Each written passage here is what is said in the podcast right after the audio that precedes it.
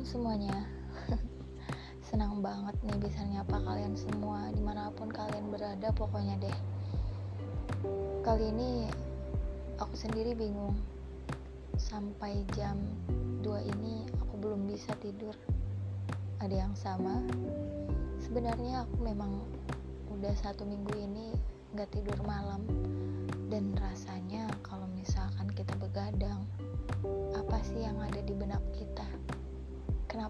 harus begadang kenapa kita melakukan ini? Kenapa kita tidak membiarkan tubuh kita istirahat? Kenapa kita terus-terusan memegang handphone terus-terusan memikirkan seorang yang tidak memikirkan kita? Kenapa kita terus terjebak dalam masalah di tengah malam? Kenapa kita terus bekerja? Dan kenapa kita kebingungan ketika kita tidur malam. Rupanya ini adalah kondisi kita semua. Aku bahkan pernah mengalami semuanya. Dan rasanya memang menjengkelkan. Setelah paginya, aku merasa tidak bergairah. Harusnya aku menyambut pagi dengan riang gembira, penuh semangat, dan senyum cerah tapi malah jadi kusam. Tubuhku loyo. Ternyata setelah dipikir-pikir tidur malam itu tidak baik.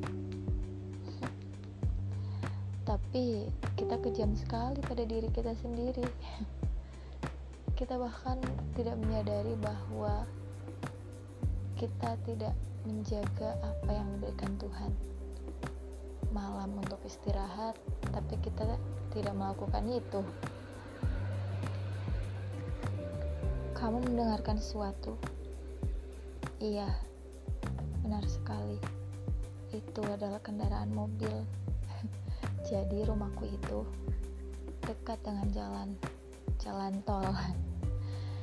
Jalan menuju hatimu. Apa yang kita lakukan? Ketika malam sudah mulai datang. Apakah seperti itu lagi? Menghabiskan waktu berjam-jam dengan scroll-scroll sosial media. Apa untungnya? Hmm? Kadang memang sosial media itu seperti obat ataupun racun. Ya memang tergantung seseorang menggunakannya bagaimana dan seperti apa. Tapi lagi-lagi, semua itu adalah penipu.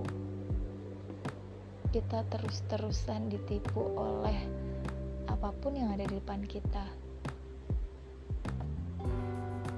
apalagi teknologi. Sayangnya, kita tidak menyadari itu. Jadi, lebih baik mulai besok kamu harus tidur tepat waktu ya. Kapan harus tepat waktu? Aku sudah terbiasa tidur di jam 12 malam. Udah terbiasa tidur di jam 1 sampai 3 dini hari. Jadi gini ya teman-teman. Rasanya kaku banget. Karena sebenarnya aku aku sendiri juga seperti itu tapi setelah paksakan mulai dari jam 12 aku geser sedikit ke jam setengah 12 akhirnya bisa. Kupaksakan lagi dari jam setengah 12 sampai jam 11 atau setengah 11 sampai akhirnya di jam pukul 10 malam itu udah cukup. Dan bangun di waktu subuh. Setelah itu paginya serasa ya segar sekali. Jadi kita kudu belajar ya. Belajar memaksakan sesuatu yang baik. Kalau itu baik kenapa tidak kita coba aja? Sesuatu yang dipaksakan itu memang tidak enak rasanya.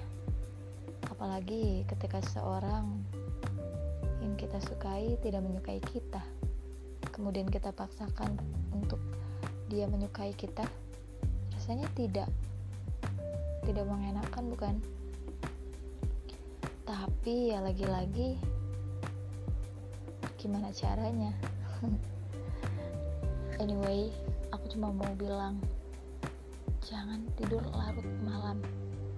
Kasihan ya sama tubuhmu. Good night